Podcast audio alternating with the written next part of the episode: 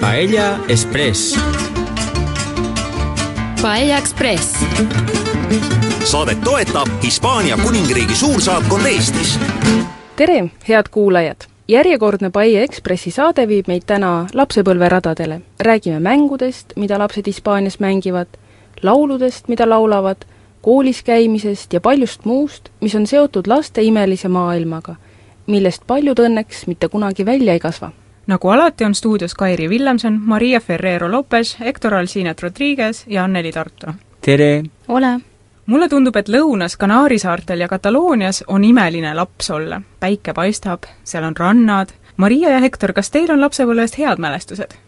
loomulikult. mina sain nautida lapsepõlve nii maal kui ka linnas. Need olid kaks väga erinevat maailma. See oli suurepärane aeg. mina kasvasin kaheksakümnendatel aastatel. see oli aeg, kui toimus palju muudatusi ja elu käis tänavatel. nagu Hispaania lapsed ikka veetsime alati palju aega öös mängides. kohtusime sõpradega väljakudel ja tänavatel, aga mitte kunagi kodudes. Lapsepõlv Hispaanias tähendab palavaid suvesid, jäätist, tsirkuse jõudmist linna, pidusid pereringis, pühapäevaseid sööke, õues sõpradega kohtumist, maiustusi, sünnipäevi, mida veel? sõprade nägemist koolitundide lõppedes, jalgrattassõite, rulluiske, kodus suvitamist. vanavanemate jutustusi, suviseid matku magedes, pärastlõunast naksimist, koolis mängimist, terve laupäeva õhtu kestnud kinoseansse erinevatele põlvkondadele on lapsepõlv muidugi isesugune olnud. sõjajärgse aja lastel tuhande üheksasaja neljakümnendatel ja viiekümnendatel aastatel näiteks peaaegu et polnudki lapsepõlve. täiskasvanuks tuli saada juba väiksena. Tuhande üheksasaja kuuekümnendatel aastatel, kui Hispaania muutus turistide meelispaigaks ja riiki saabus teatav majanduslik heaolu, said lapsed esmakordselt pärast pikki aastaid lasteks olemist tõeliselt nautida. just tänu sellele põlvkonnale osutus võimalikuks ka hilisem demokraatlikule korrale üleminek aga millised olid lood tuhande üheksasaja seitsmekümnendatel aastatel? Hispaanias hakkas maad võtma hipiliikumine ning Franco surm tõi kaasa suuri sotsiaalseid muutusi.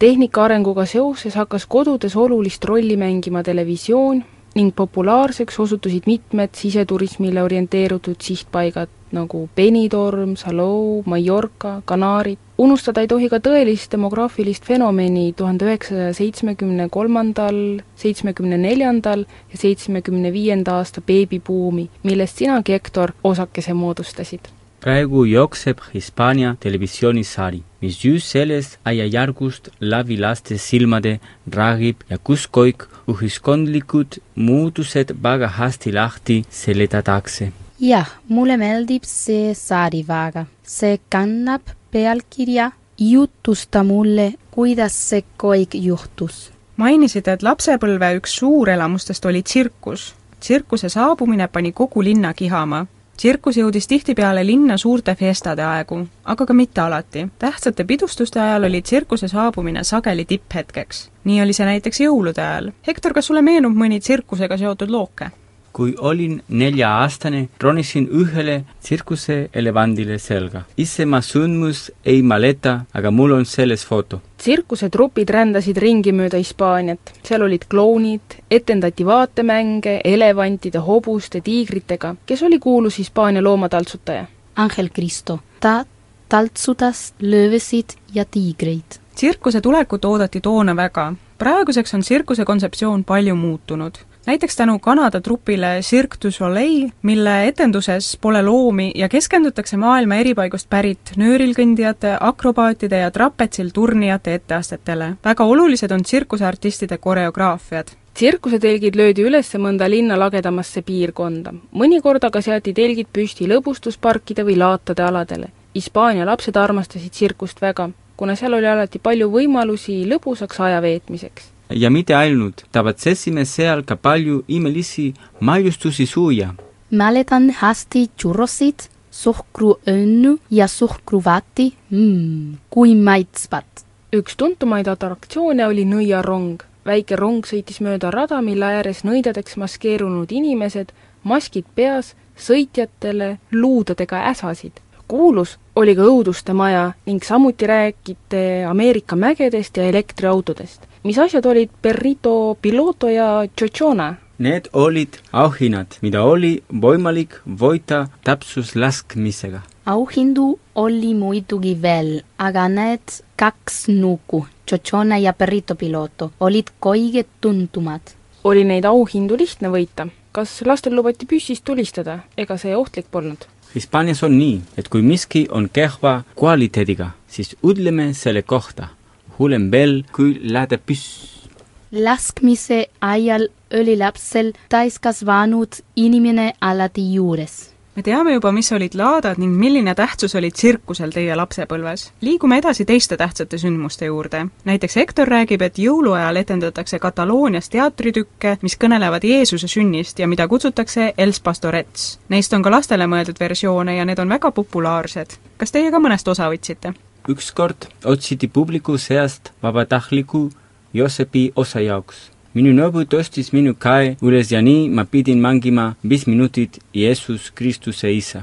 kuulsad on ka nukuteatrid ning lastele mõeldud telesaated ja filmid, samuti lasteansamblid. mulle meenub üks vand, mille nimi oli Parchis ja teinegi Enrique Jana. kõik lapsed kuulasid neid, aga minu õpetajast ema ei lubanud mul nende muusikat kodus kuulata. Parchis, Enrique Jana, Onda Vaselina Need olid tuhande üheksasaja kaheksakümne ja üheksakümnendatel aastatel vägagi populaarsed lastemuusikat esitavad artistid. tollal ei olnud ei Anna Montanat ega Britney Spearsi. olid kohalikud esinejad, kes tegid kaasa ka filmides või keda võis kohata toonaste muusikaajakirjade, näiteks Superpop lehekülgedel televisioonis jooksis Hispaania seriaalid, mis muutusid legendaarseks ja mis omandasid ühe põlvkonna jaoks lausa märgilise tähenduse tuntum neist oli Verano Azul ehk Sinine suvi, mida filmiti ühes külakeses Andaluusia rannikul. näitlejateks olid suures osas lapsed ja teismelised. üks fraas, mis alatiseks meelde jäi, oli Tšankete on surnud Gianchete, keda kehastas näitleja Antonio Ferrandis, oli meremees, kes seikles koos lastega ning kes mingil määral oli lastele vanaisa eest. sarja mõju Hispaanias oli neil aastal nii suur, et Gianchete surmast ekraanil räägiti ajalehtedes justkui oleks tegemist olnud päris inimesega. seriaali Sinine suvi saatis esimesest saatest juba suur edu ning sellest ajast saadik on seda hilisemate korduste vahendusel kokku näinud rohkem kui kakskümmend miljonit televaatajat telesarjas ette tulnud situatsioonid ja sealsed tegelased on osa selle esimese vaatajaskonna kollektiivsest mälust. Sari jõudis teleekraanidele kõikides riikides, kus kõneldakse hispaania keelt. see saatesari murdis Hispaanias vanad telesaate traditsioonid ja hakkas rääkima avameelselt tol ajal väga delikaatsetest teemadest nagu abielu, vabadus, õigus meeleavaldusi korraldada, kinnisvarahangeldustest, keskkonnaprobleemidest, põlvkondadevahelistest konfliktidest ja paljust muust. seda saatesarja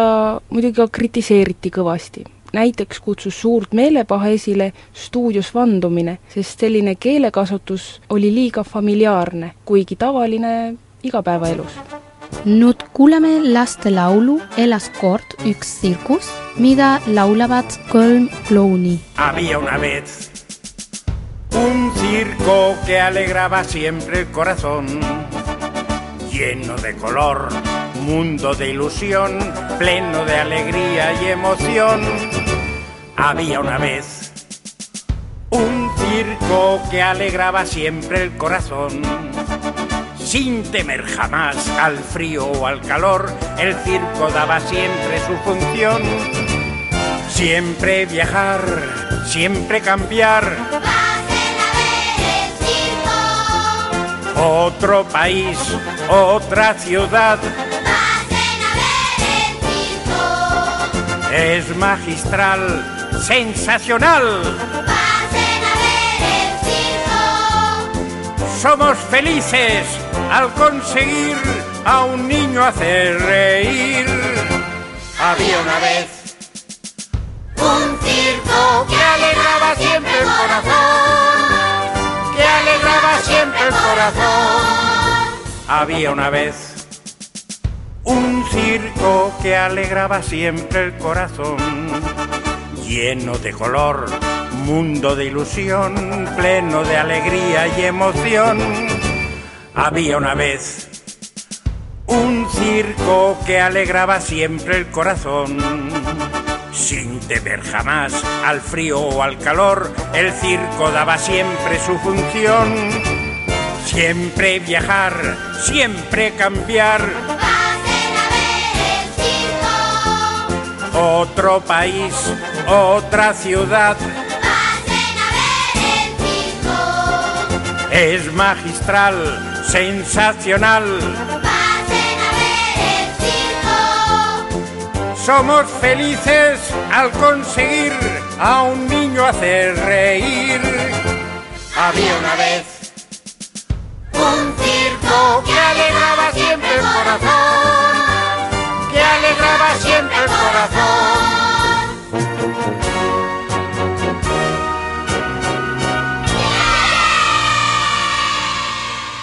Järgmine peatus Alcalá de Henares. aga me räägime ikka edasi Hispaania lastesaadetest ja lastelauludest. kõige tuntumad lastelaulud läbi aegade on telesaadetest, kus laulsid needsamad klounid Gabi, Miliki ja Fovito. kui nad ekraanile ilmusid, tõid nad kuuldavale ühe sõjahüüu. kuidas see kõlas? ¿Cómo están ustedes? Bien! Need kolm klouni olid väga populaarsed seitsmekümnendatel ja kaheksakümnendatel aastatel. Üheksakümnendatel aastatel tulid uued klounid, Milikito, Emilio ja Aragon. Need tegelaskujud on Maria lapsepõlvest. keda sa veel mäletad? Muppet Show, Smurfit, Ocassi Gaspinete.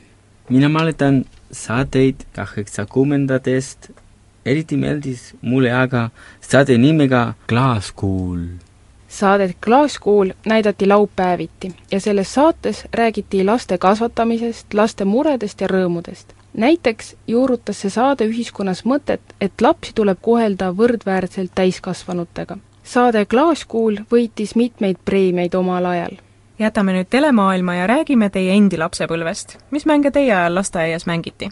mäletan jojot, elektronmänge ja klaaskuule. me ka jooksime palju, mängisime korvpalli ja jalgpalli. ja sina, Maria? Mulle meeldis mängida klasskuulidega, me mängisime ka tavalisi lastemänge nagu peitust, rakulkaga laskmist, kulli, jalgpalli. tänapäeval lapsed ei mängi enam niimoodi, kõik on arvutis. tundub, et teile meeldis ringi liikuda. me teame, et veetsite palju aega väljas, tänavatel, parkides. loomulikult aitab sellele kaasa soe ilm, aga oluline on mainida ka kultuurilisi aspekte. Hispaanias oli keegi pereliikmetest alati koos lastega ja ei lasknud neil väga kaugele minna. aga samal ajal saite mängida sõpradega, kisada ja joosta siia-tänna. kas teile tundub, et Eestis on samamoodi? meie jaoks on üllatav, et lapsed, isegi väga väiksed, on palju iseseisvamad, nad käivad uksi tänaval. ja kisatakse kindlasti vähem. tundub, et nad on parema kasvatusega ja rahulikumad. veel üks oluline sündmus oli sünnipäev. see oli võimalus kokku kutsuda sõbrad koolist ja teha suur sünnipäevapidu. mulle meeldis see ka, aga see tegi mu närviliseks. no võib-olla sinu juhtum pole kõige tavalisem, sest sinu vanematel oli baar, restoran ja sina ja sinu õde saite peaaegu kogu klassitäie lapsi sünnipäevale kutsuda. ja kuna sinu õel sai ainult poistest kõrini, palus ta ka tüdrukuid kutsuda. lõpuks loopisid poisid ja tüdrukud üksteise pihta võileibu. kas sa mäletad, kui palju rahvast teie sünnipäevadel võis olla? minu õe sõbrannad ja minu sõbrad, pluss perekond ja perekonnasõbrad, umbes kuuskümmend inimest. Maria, sina käisid ka sõpradel sünnipäeval külas, aga meile tundub huvitav Bandia idee. see tähendab, et te saite sõpradega kokku, et koos mängida. see oli sõprade grupp, kes käis kõikjal koos, mängisid koos tänavatel ja käisid õhtuti koos väljas ja kinos. Bandias saadi esimesed suudlused, aga ka esimesed kogemused alkoholiga. Need olid sõprade grupid, mis võivad omavahel tänapäevani läbi käia. mis mälestused sul sellest on? kuna arvuteid ei olnud, olid pandijad. see oli sinu sõprade grupp, identiteedi sümbol. väljakul oli igal pandijal oma koht ja samal väljakul oli ka teisi pandijasid, kellega koos mängida või võistelda, aga vahel ka tülitseti. mul on väga head mälestused sellest ajast Paella Ekspressi saatega oleme jõudnud Alcalá Henares'e linnakesse, mis asub Madriidi lähedal. Alcalá linn on täis üliõpilastraditsioone, ühikaid ja väga häid koole. Hispaanias on palju riigikoole, aga ka erakoole. erakoolid on tavaliselt religioossed, katoliiklikud või välismaalaste koolid. paljud vanemad eelistavad, et nende laps saaks hariduse erakoolis. Nendes õpib päris palju lapsi, sest arvatakse, et nendes antav haridus on parem. riiklikes koolides on praegu vägivalla ja konfliktide aeg. õpetajaid enam ei austata mina käisin riigikoolis, tol ajal oli see ainult poistekool. mulle see ei meeldinud, aga ma olen rahul haridusega, mis ma sealt sain. Hektor, sina oled pärit kakskeelsest perekonnast ja sinu haridus on kakskeelne. õppisid nii katalaani kui ka hispaania keeles ja kodus rääkisid sa peamiselt katalaani keeles. nii palju keeli, kas see segadust ei tekita? üldsegi mitte, vastupidi. mulle see meeldis. see oli nagu mäng kahtlemata ajad muutuvad ning näiteks õpetajatesse ei suhtuta enam nii lugupidavalt kui varem. varem olid õpetajad autoriteedid, ühest tema öeldud lausest piisas, et lärm või tüli lõpeks. õpetaja oli kõige tähtsam. Õpetajad võisid ka ähvardada vanematele ja rääkimisega. tavaliselt lõpetas see konflikti kiiresti. vanemad uskusid alati pigem õpetajat kui oma last. tänapäeval see enam nii ei ole samuti on huvitav märkida, et kuigi teie lapsepõlves tehti samuti pahandusi, olid sõprus, austus ja solidaarsus siiski väga tugevad. ei olnud mobiiltelefone ega internetti, aga ometi suutsite kõik koos tänaval kohtumise kokku leppida. ei olnud arvuteid, aga teil oli alati, mida mängida. võiks öelda, et inimsuhted olid rõõmurikkamad ma arvan, et nüüd on õige hetk kuulata ühte laulu, mis on Maria ja Hektori teismelise aegadest. laulu nimi on Ilma dokumentideta ja laulab Los Rodriguez.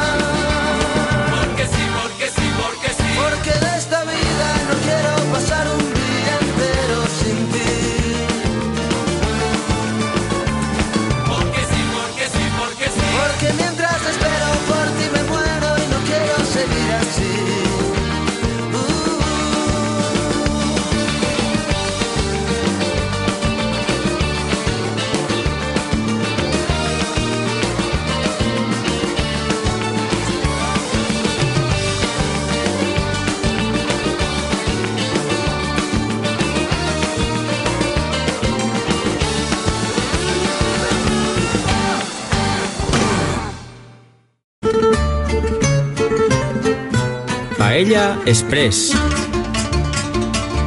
Paella Express saadet toetab Hispaania kuningriigi suursaatkond Eestis järgmine peatus Ciudad Rodrigo. oleme tagasi tänase Paella Ekspressiga, mis viib meid lapsepõlveradadele. peatume Ciudad Rodrigos, mis on üks väike linnake Salamanca provintsis Portugali piiri lähedal, kus augustikuus toimub lasteteatri festival. lisaks teatrietendustele räägitakse ka muinasjutte, näidatakse marionettnukke ja tehakse nendega teatrit muinasjutud on alati lapsepõlvega seotud. Need jutud viivad meid väljamõeldud paikadesse ja vahel ka eriliste olendite juurde. Ciudad Rodrigo linnake asub Kastiilias ning seal on väga pikk juttude ja legendide traditsioon. kas teile räägiti ka muinasjutte, kui te väikesed olite? Mulle meeldis ise lugusid jutustada, eriti suvel, kui ma olin laagris juhendaja. muidugi, enne magama jäämist räägiti alati lugusid. minu vanavanemad rääkisid ka alati lugusid, eriti just õpetlikke lugusid. Nad teevad seda praegugi veel. kas teil on ka lemmiklugu või legend? minu lemmik on La Gorge de l'Estany. see on lugu ühest olendist, keda nimetatakse veteemaks. Tal on maagilised võimed ja vahel ka halvad kavatsused. minu lapsepõlves oli üks raamatute sari, mida antakse ka praegu välja. selle nimi on Aurik ning need raamatud olid väga lõbusad. näiteks kummitustest või Sussi ja Pauli kaartidest. paljud on välismaa jutud, mis on hispaania keelde tõlgitud sa oled meile rääkinud ka Petete lugudest. Petete on üks part, kes oli jutuajakirja peategelane, kus räägiti leiutistest, fotodest, raamatutest ja sa ütlesid, et tänu Petetele õppisid sa võõrkeeli, sest ühes loos õpetas just Petete erinevates keeltes rääkima. jah, see on tänu Petetele suvi on aeg, kui toimub palju lasteüritusi, näiteks spordilaagreid, jalgpallist, korvpallist kuni teiste spordialadeni, aga ka näiteks paarinädalaseid mägimatku või erinevaid ringe kooli juures, kas muusika, käsitöö või keeleringe. valik on päris suur. koolivaheaeg algas põhikoolil tavaliselt juuni lõpus ja lõppes septembris, nii et õppetööde vaheaeg kestis peaaegu kolm kuud lapsevanemad pidid loomulikult tööl edasi käima ja enne koolivaheaega otsisid nad lastele alati selliseid mängulisi õpetlikke ringe või laagreid. see pole odav, aga võib leida erinevaid variante erineva paksusega rahakoti jaoks. kõige odavam oli loomulikult saata lapsed vanavanemate või sõpradega basseini äärde. paljud lapsed veetsid suved vee läheduses, kas siis mere või jõe ääres või nagu mainitud basseinides linnavalitsused toetavad enamasti laste suveüritusi ning toetuste arv üha suureneb. suvevaheaja sarnane olukord on ka jõulude ajal, kui lastel on samuti koolivaheaeg, siis kerkivad Hispaanias kuue kuni seitsmepäevaseks puhkuseks kõikjale nii-öelda jõulupargid, kus lapsed saavad teha sporti, mängida või osaleda ringides vaheajal lähevad lapsed oma kodukuladesse või laagritesse. tänapäeval kasvab loomulikult ka nende laste arv, kes reisivad teistesse riikidesse, et võõrkeeli õppida. peamisteks sihtkohtadeks on Iirimaa, Inglismaa, Ameerika Ühendriigid ja enamasti õpitakse inglise keelt. Iirimaal õpib nii palju hispaanlasi, et öeldakse, et see on hea koht, kus õppida hispaania keelt. tulles tagasi Hispaania juurde, peaksime rääkima ka sellisel põneval teemal, mis võimaldab kodust lahkumata reisida ja mille abil õpib palju. Need on raamatud ja lasteraamatud. paljud Hispaania autoritest on kirjutanud lasteraamatuid. samuti on tuntud koomiksiraamatute kangelased, näiteks Mortadelo ja Filemon, Zipi ja Zape, Carpanta ja nii edasi. selliseid pildisarju nimetatakse hispaania keeles tebeodeks ja need olid sõjajärgsel ajal väga populaarsed. nooremad põlvkonnad mängivad rohkem arvutitega ja videomänge. kui nad selliseid tegelasi üldse teavad, siis seda enamasti tänu telekale või kinole lasteraamatutest rääkides keskendume kahele autorile, keda Maria ja Hector meile oma lapsepõlve kirjanike hulgas soovitavad. Need on Gloria Fuertes ja Elvira Linnu. Gloria Fuertese loomingut iseloomustab iroonilisus, millega ta räägib kõiki puudutavatest teemadest nagu armastus, valu, surm või üksindus. seda vürtsitavad kummalised metafoorid ja peen ning üllatusi täis keelemäng, mis annab tema luuletustele muusikalise kõla ta on osalenud ka erinevate lastesaadete tegemisel, mis teeb temast kindlasti tuntud lasteluuletaja.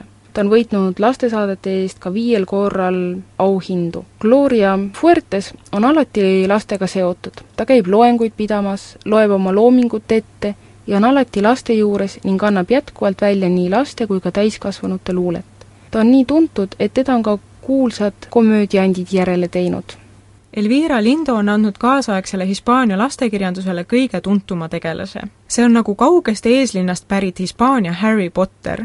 tema nimi on Manolito Prillipapa. tema raamatuid lugedes saab ennast kurssi viia tänapäeva linnalaste, eriti Madridis elavate laste eluga. see raamat on ka Eeva Kolli tõlkes eestikeelsena kättesaadav. Maria, sa rääkisid meile raamatusarjast Aurik. samuti teame, et katalaanikeelsetest koomiksitest peaks esile tõstma Caval Forti, väljaandeid, mis inspireerisid Hectorit lugema. nüüd kuulame Argentiina bändi Los Fabulosos Cadillacs ja laul on Mustlanna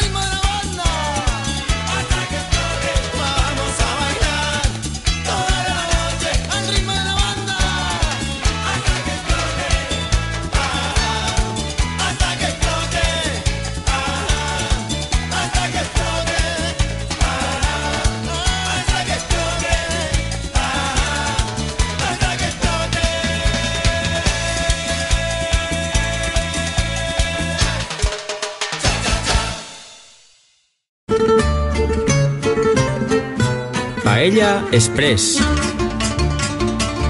Paella Ekspress. saadet toetab Hispaania kuningriigi suursaatkond Eestis järgmine peatus Palencia. tänast reisi jätkame Castilla Leonist, Valencia provintsist. See provints asub kõrgendikul ning äh, seal on äh, palju avaraid põlde ja seal elavad rahulikud inimesed. ning nendelt põldudelt võib leida väikest loomakest, närilist, kes oli kahe tuhande seitsmendal aastal peategelaseks ühes suurimas põllumajanduslikus katkulaines. üks meie tänase päeva kangelastest ongi see väike näriline. aga miks meie lapsepõlvereis meid selle looma juurde viib, kuulete kohe. tänasesse saatesse oleme välja valinud kaks tähtsat isikut. üks neist on hea ja teine on kuritegelane. kes need meie tähtsad isikud siis on? halva nimi on Coco. ja hea nimi on Hireke Peres. Koko on sama, mis Eestis kotionu. Hispaanias öeldakse lastele, kui nad end halvasti üleval peavad, et tuleb Koko ja sööb nad ära. aga missugune see kuri Koko välja näeb? seda ei tea keegi, ma ei ole teda kunagi näinud. mina õnneks samuti mitte. see tähendab, et te olite head lapsed? enam-vähem. Aga tõsi on, et kartsime hirmsasti seda kokot. kui magama läksime, siis oli tunne, et Coco jälgis meid. Te olete jah rääkinud, et Hispaanias varemalt emad kohutavalt äh, palju hirmutasid lapsi selle Kokoga, samuti vanavanemad ja vanemad õed-vennad. isegi missa ajal võid öelda, et Koko tuleb. et varem pandi laps läbi suure hirmu kuuletuma. arvasime, et koko on üks kohutav koletis. aga tõsi on ka see, et praegu ei ole enam lapsed nii söönakuulelikud. aga kes meie heategelane on? hiireke peres. see on sama nagu Eesti hambahaldes. Hispaanias tuleb ära kukkunud piimahammas ööseks padja alla panna. öötundidel tuleb hiireke peeres, võtab piimahamba ja jätab kingituse. aga missugune see hiireke välja näeb? keegi ei tea täpselt, sest keegi pole teda mitte kunagi näinud. Kuid kõik Hispaania lapsed teavad, kuna ta tuleb. kas te mäletate seda aega? minu õde ja mina tegime valvekorrat, et hiirekese ilmumist tabada. ühel päeval jäi meie lõksu ema. mina oma vennaga ei pidanud öösiti vahti. ma uskusin pimesi tema olemasolusse. ma mäletan, et nutsin hirmsasti, kui mul niidiga piimahammast välja tõmmati, kuid siis sain päev otsa kingitusest unistada. tavaliselt jättis hiireke peres veidi raha hiireke Perez käib kõikidel lastel Hispaanias külas. see ei ole lokaalne traditsioon, aga samuti käib hiireke Perez Lõuna-Ameerika lastel külas. seal kutsutakse teda lihtsalt Rott Perez või lihtsalt hambarott. kuulame nüüd järgmist laulu, mis meile ühest hiirekesest räägib. kõik Hispaania lapsed teavad seda laulu. laulu nimi on Susanna, kesel on hiireke.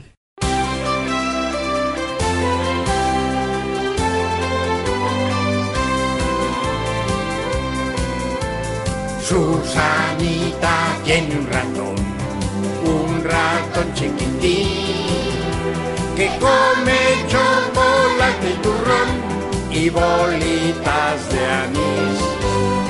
Duerme cerca del radiador, con la almohada en los pies, y sueña que es un gran campeón jugando al ajedrez. Le gusta el fútbol, el cine y el teatro, baila tango y rock and roll.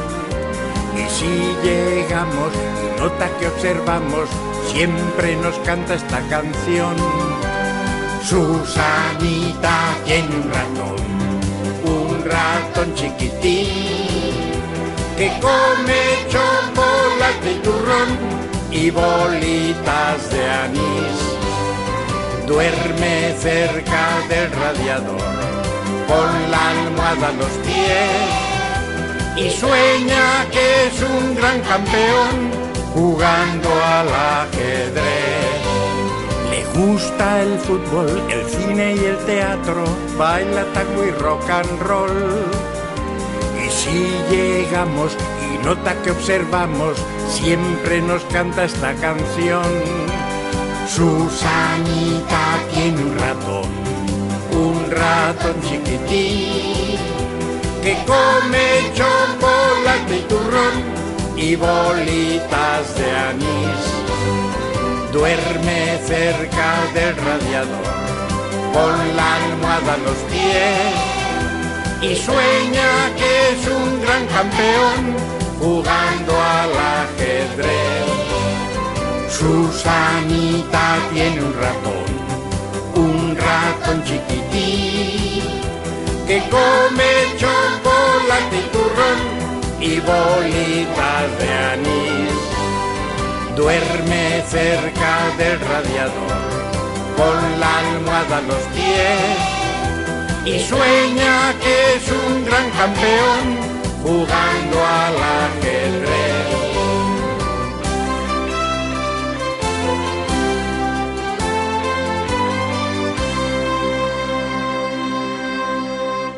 Nüüd läheme edasi päevasõnaga. see sõna tähistab asja, mida seostatakse laste maailmaga, aga mis on täiskasvanute kirjutatud. mis sõna see on?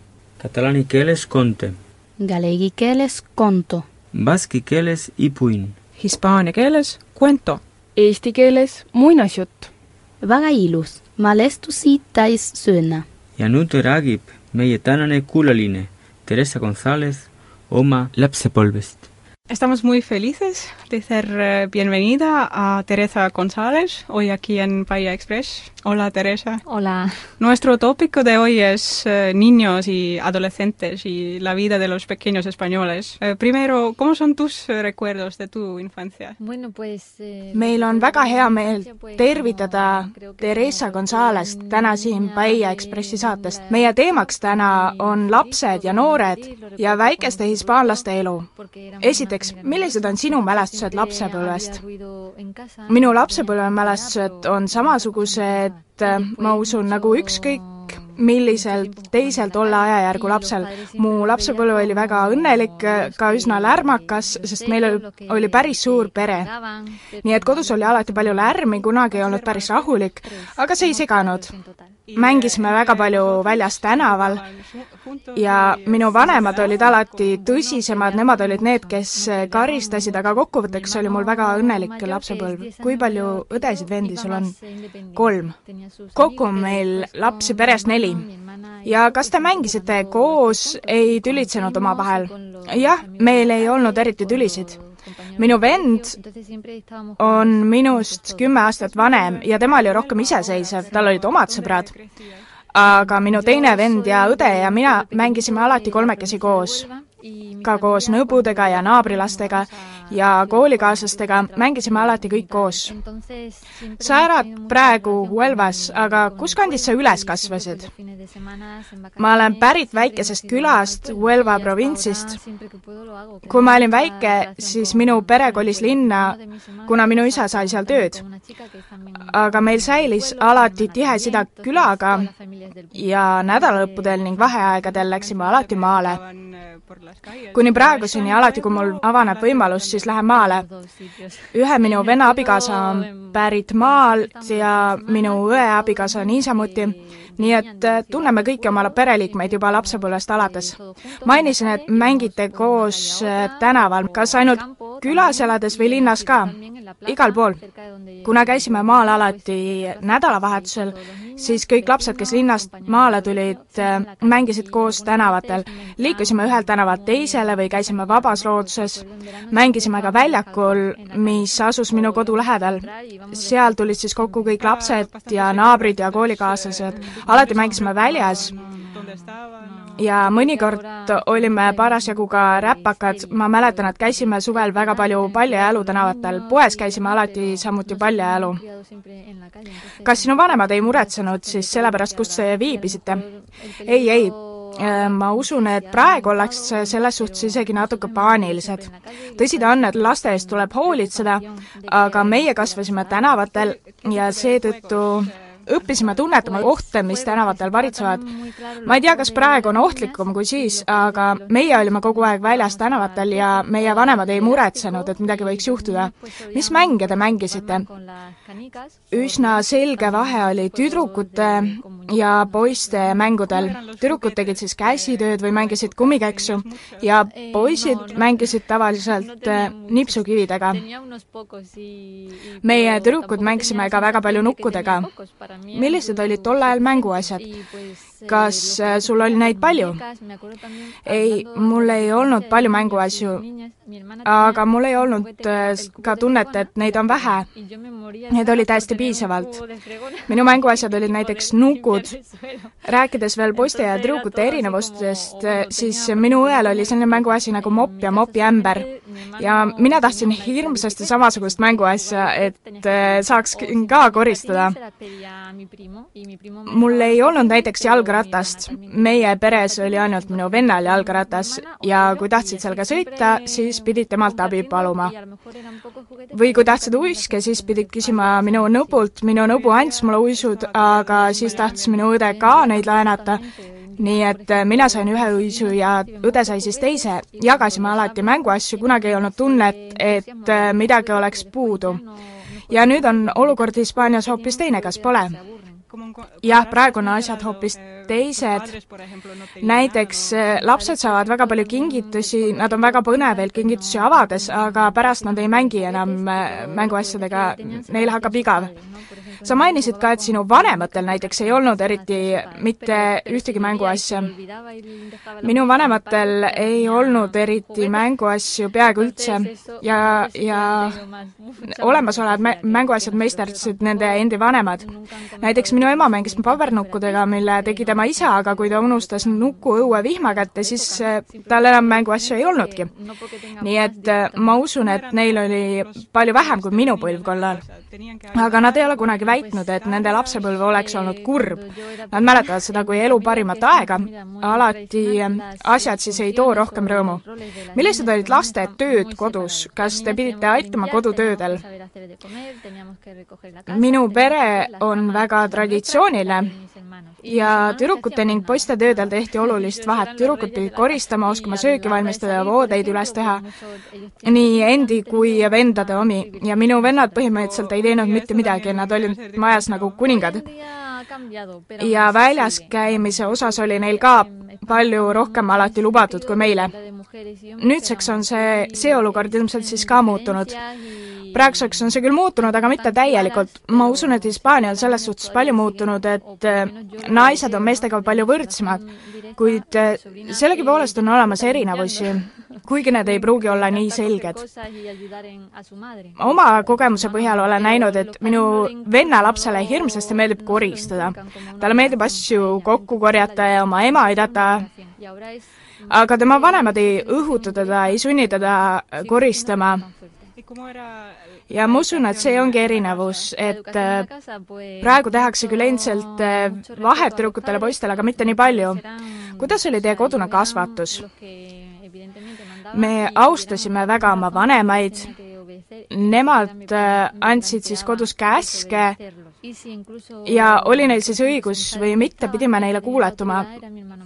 mul ei tulnud isegi pähe seda mitte teha ja kui siis vanemad ei olnud kodus, siis täitis nende aset minu vanem vend nii et meie kodune kasvatus põhines alati austusel ja lugupidamisel, ka vanavanemate vastu. varem, kui Hispaania oli traditsioonilisem, siis oli austus vanemate vastu alati väga tähtsal kohal, kui keegi sinust vanem sinuga tänaval riidlema hakkas, äh, siis ei hakanud sa talle kunagi vastu, pigem vastupidi, langetasid pea ja kuulasid ära kõik, mis ta sulle ütles. aga praegu on see ka päris palju muutunud. sa mainisid, ütlesid, et on väga traditsioonilisi perekondi, kus lapsed teietavad oma vanavanemaid. kas sinu peres on samuti? minu peres ei ole nii. see tava hakkab kaduma, aga olen seda ise kõrvalt näinud, näiteks üks mu sõber teietab endiselt oma isa. Nende pere, pere elab maal ja on väga traditsiooniline. nii et äh, taolised kombed äh, püsivad. minu nõbud ütlevad mu tädile alati teie ja näiteks minu vanemad teietavad ka oma vanemaid, aga see tava on hääbumas. see on lugupidamise märk, kas pole? jah, kindlasti. vanematele inimestele ei saa öelda sina rääkisime ka elust koolis ja sellest, et ka õpetajaid väga palju austati, kui sa, kui sina koolis käisid. õpetajatel oli koolis sama autoriteet nagu perekonnas vanematel kui mina koolis käisin, siis oli minu klassijuhataja minu jaoks väga suur autoriteet. kui ma midagi halba tegin, siis võis ta mulle mingi probleemide vastu näppe anda. tunnistuste kättesaamise päev oli esimesi ja ainsaid kordi, kui vanemad kohtusid õpetajatega. minu vanemad küsisid alati, kuidas nende laps on end üleval pidanud, kas ta on, on tubli või ei ole kaaslastega kena. ja õpetaja tegi alati vastuseks nalja, et jah, Theresa on hirmus halb laps. ma mäletan, et mu ema ütles alati, et kui tüdruk end halvasti üleval peab, siis karistage teda või sakutage teha, teda, tehke seda, mis tarvis. nii et õpetaja oli koolis samasugune autoriteet, nagu kodus olid vanemad. ja talle kuuletuti ja temast peeti samamoodi lugu. aga ka see on praegu väga palju muutunud, ma usun, et Hispaanias nagu igal pool mujal läänemaailmas, ei ole õpetajatel enam seda võimu ja neil ei ole ka nii palju austust, see on väga palju muutunud. kui vanalt lähevad lapsed Hispaanias kooli? lapsed lähevad kooli juba kolmeaastaselt põhimõtteliselt, nii väikeselt, jah, nii väikesena. teiselt poolt äh, on Hispaanias ka emaduspuhkus äh, väga lühike. nii et paljud pered, kel pole sisse, suurt sissetulekut, neil ei jää muud üle, kui viia lapsed sõime juba, juba enne kolmeaastaseks saamist, isegi juba viie kuu vanuselt. vahetevahel tulevad appi ka vanavanemad, muidugi on ka lapsehoidjad olemas, aga seda ei saa paljud endale lubada. see sõltub suurel määral iga pere sissetulekust. kas lastel on ka palju õppekavaväliseid tegevusi, nagu meil siin Eestis? jah, ma usun küll. on väga palju erinevaid õppekavaväliseid tegevusi. Ma ei tea, milline on äh, olukord praegu, aga ma mäletan, et minu lapsepõlves olid nendeks näiteks korvpall ja jalgpall, aga veel sai käia katekismust ja piiblilugusid õppimas. samuti oli meil võimalik käia käsitööringis ja õppida tüüpilisi tolle aja naiste töid suur tänu, Theresa, et rääkisid meile oma lapsepõlvest, aitäh teile! del rol femenino, de lo que se esperaba de una mujer pues en esa época. Muchas gracias, Teresa, por haber hablado con nosotros de tu eh, infant. Vale, muchas gracias. ja ongi meie tänane Paella Ekspressi reis otsa saanud. täname Tartu Ülikooli suulise tõlke magistranti Päivi Remmet intervjuu tõlkimise eest, järgmine kord räägime kirjandusest ja kindlasti mitte ainult Don Quixotest saadet jääb lõpetama tänase külalise Theresa soovitud lugu Soy un electroduende, laulab Alaska. Kuulmiseni! La máquina que cruz ha vuelto a dar a luz. ¿Y yo qué voy a hacer con este nuevo ser? Que emite vibraciones, inventa sus canciones. ¿Qué voy a hacer con él?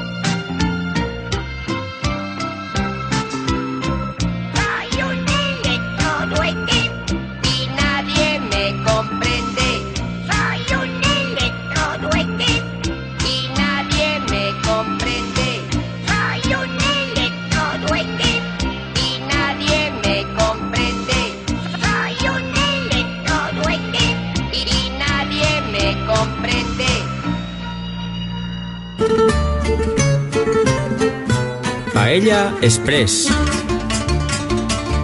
Paella Express.